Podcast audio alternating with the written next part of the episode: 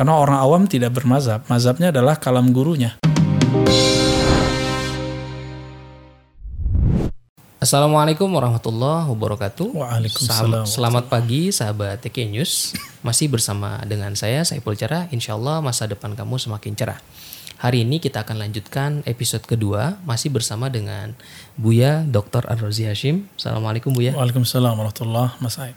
Hari ini kita akan berbicara tentang uh, titik temu bagaimana sufi dengan salafi.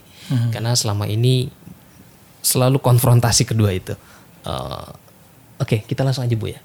Hmm. Ini kenapa Salafi begitu anti tarekat Bu ya? Ini yang kita katakan sebelumnya bahwa orang-orang tarekat sendiri tidak menampilkan hmm. perwajahan yang sebenarnya dari ihsan. Hmm. Ihsan yang anta abudallah ka annaka tara. Engkau berubudiyah seumur hidup kita, kita tarik nafas, kita keluarkan nafas, itu kan ubudiyah semua. Hmm. Uh, kita tidak menampilkan perwajahan pewaris Nabi secara rohani. Hmm. Ini persoalan kita sendiri. Uh, sehingga ini harus ditangani dengan serius. Kita harus memperbaiki citra ini bukan karena ingin disebut orang benar oleh yeah. salafika, anti sufika, nggak penting. Hmm. Yang penting kita terlihat baik di sisi Allah Subhanahu wa taala. Uh, dan itu dimulai dari kalbu.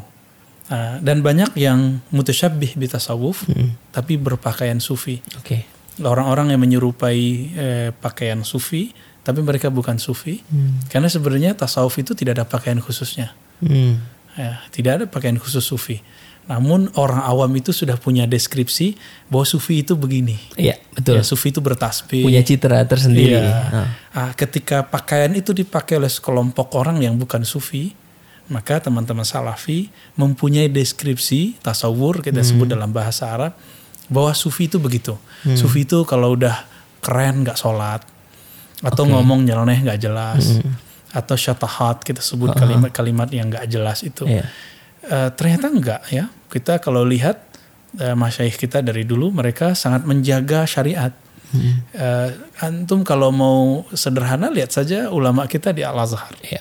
ulama kita di Maroko, uh, Sadah Umariyin itu muhadis, hafal kitab-kitab hadis. Hmm di Alexandria Syekh uh, uh, Ibrahim Abdul Ba'is Al-Kattani yeah. itu hafaz Sahih Bukhari dengan hmm. sanatnya lengkap. Hmm. Syekh Ali Jum'ah itu uh, mufti kabir dalam berbagai mazhab khususnya yeah. mazhab Syafi'i. Beliau mursyid juga. Uh, bahkan sangat banyak Masyaikhul Azhar dari masa ke masa dulu mereka adalah uh, mursyid tarekat ya. Uh, yang sekarang uh, beliau pro tarekat tapi tidak hmm. mursyid. Itu tantangan internal uh, iya. kaum tarekat. Hmm. Lalu yang menyebabkan salafi ini nggak mau mengerti itu selain citra itu kan mereka juga mengkaji-kaji hmm. kitab. Itu apa yang menyebabkan mereka kok jadi salah persepsi gitu bu ya? Eh, yang kedua mereka mengkaji tasawuf bukan kepada ahlinya, hmm. tapi dari eh, sumber-sumber sekunder. Kalau tadi perwajahan yang hmm. tidak benar, lalu yang kedua sumber sekunder. Oke. Okay. Misalnya kalau dalam Indonesia bahasa Indonesia sudah diterjemahkan darah atau apa ya rapor merah tasawuf uh. darah hitam tasawuf yeah. gitu. itu semua terjemahan dari karya ulama-ulama Saudi atau Kuwait uh, tentang salah satu tarekat yang memang sudah menyimpang hmm. uh, cabangnya ini dari tarekat yang mu'tabarah yeah. Iya. uh, kemudian uh, mereka membaca karya imam mereka yaitu Syekhul Islam Ibnu dan Ibnu Qayyim tidak seutuhnya hmm. sebagai contoh uh, mereka tidak mau membaca kitab Madarijus Salikin yeah karya Syekhul Islam Ibn Qayyim Al-Jauziyah hmm. itu jelas kalau itu buku sufi, buku hmm. tarekat sufi. Dan ini ditakrir oleh uh, Sidi Ahmad Al-Ghumari, mursyid okay. tarekah Siddiqiyah yeah. Ghumariyah. Uh, gitu. Hmm. Lalu apa ya? Uh, mengapa kaum salafi itu begitu ini Bu ya? Begitu menghantam bukan hanya di apa namanya? di forum secara offline tapi juga online. Ini kan masyarakat mereka apalagi zaman pandemi ini kan belajarnya yeah. Sulit lah untuk offline. Mau nggak mau mereka belajar agama justru lewat online. Ini kan serangan-serangan melalui YouTube ini bagaimana tanggapan Buya nih? Enggak, Salafi kan memang dari dulu hitam putih. Hmm. Bedanya dulu tatap muka, yeah. sekarang online. Hmm. Jadi emang salah satu karakter kenapa orang suka dengan Salafi? Hmm. Karena Salafi itu put, hitam putih hmm. halal haram, sunnah bid'ah. Dan bagi anak-anak muda atau orang-orang yang baru di persimpangan jalan, baru Iya. hijrah, itu sangat menggembirakan sekali. Karena jelas gitu ya. Bagi mereka itu yang jelas. Padahal kejelasan dalam keilmuan Islam itu bukan hitam putih. Iya. Banyak yang dia warna-warni. Hmm. Satu barang, satu hukum itu eh, bahkan satu dalil bisa dibawa kepada 70 persoalan. Hmm. Begitu kata Imam Syafi'i. Saya tidak sampai kepada pemahaman itu. Hmm. Tapi kita pernah melihat satu dalil bisa diolah jadi 20 pendapat yang berbeda. Iya. Ya, kalau 70 saya belum nyampe. Ya, maka wajar kita belum jadi mujtahid mutlak seperti Imam eh, Imam Syafi'i.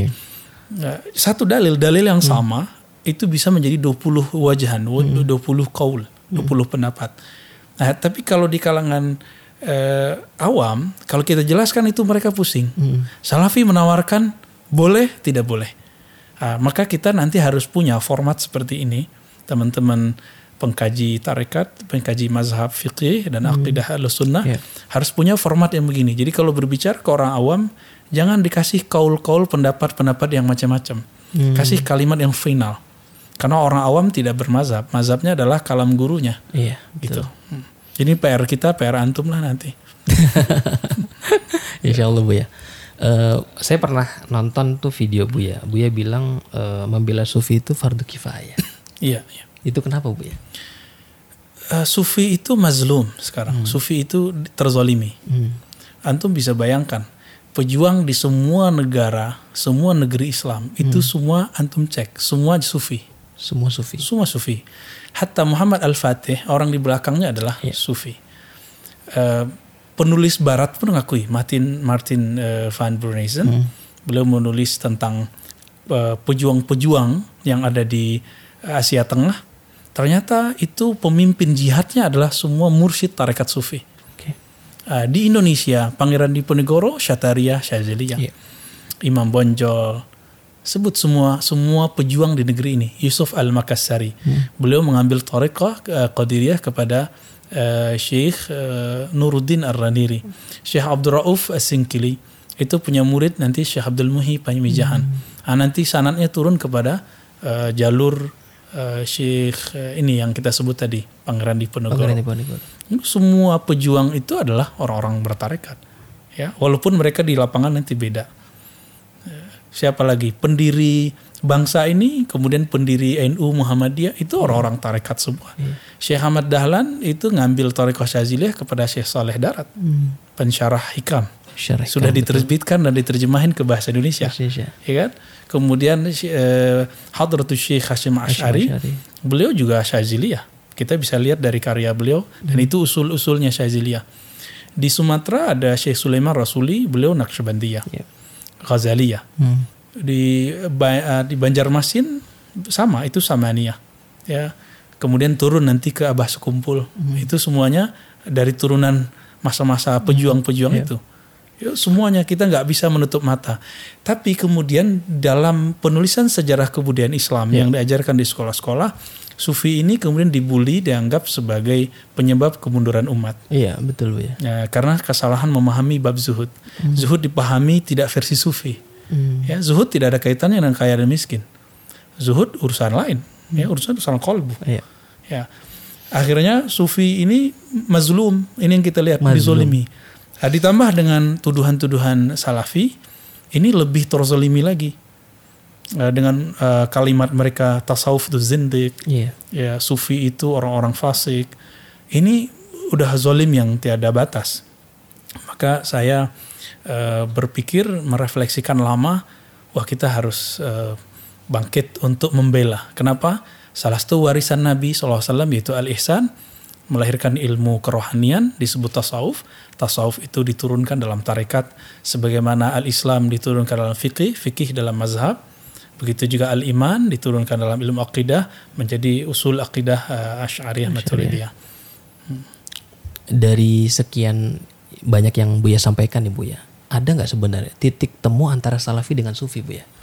Kita beberapa tahun lalu di kampung saya, saya buat um, semacam hiwar, uh, obrolan santai, Iya. tapi di MUI Majelis Ulama yang diprakarsai oleh mereka, karena MUI adalah simbol persatuan umat. Iya. Alhamdulillah ada yang mau datang. Hmm. Cuma ustadz yang kita ajak ketemu itu, Hmm. itu sudah dianggap tidak salafi lagi oleh temannya. Oke. Karena dianggap sudah bermajelis dengan orang-orang seperti kita yang Hmm. dianggap syubhat dan ahli bid'ah. Jadi mereka sudah sudah ngecap kita ahli bid'ah, ahli syubhat. Ya tapi saya tidak eh, tidak menghiraukan itu. Hmm. Dia mau ngobrol, ayo. Dan ternyata orangnya sopan. Teman kita yang kita ajak ngobrol itu dia mau mau bertukar pikiran. Hmm. Di situ saya mulai membuka hati juga. Oh berarti ada salafi yang mau diajak ngobrol Hmm. gitu ya. Jadi wajah dilhum billati ihsan itu Iya, ter- terjalin. Maka teman-teman ini harus kita amalkan. Jadi harus ada di antara kita yang membangun menghidupkan sunnah wajah dilhum billati ahsan. Ajak mereka ngobrol, dialog dengan cara yang ahsan. Ini kan ngo- ngobrol dengan ahli kitab ayatnya. Iya. Apalagi dengan sesama muslim, salafi sufi. Dan kalau kita lihat dari pemahaman Syekhul Islam Ibn Taimiyah dan Syekhul Islam Ibn Qayyim dan Syekhul Islam Al-Harawi, Iya. Ibnu Qudamah itu akan ketemu eh, apa yang antum tanyain tadi, titik temu.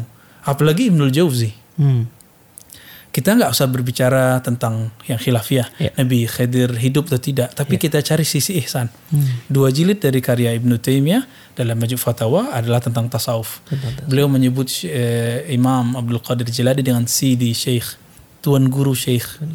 Ya, Eh, maka belakangan eh, Syekh eh, Ahmad eh, Abdul Latif ya, Abdul Latif At-Tijani di Mesir, beliau mengabadikan salah satu sanad eh, qadiriyahnya Syekhul Islam Ibnu Taimiyah. Hmm. Di situ saya kemudian mulai me- membedakan Ibnu Taimiyah eh, pra eh, Sufi dengan eh, setelah Sufi Iya, gitu.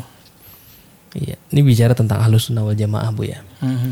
Ini kan salafi juga sering nih mengatasnamakan ahlus sunnah wal jamaah. Iya. Kemudian mereka datang belakangan tapi kok mengeluarkan kita yang udah duluan nih. Bahkan asawadul Antum adham merasa ini. dikeluarin ya?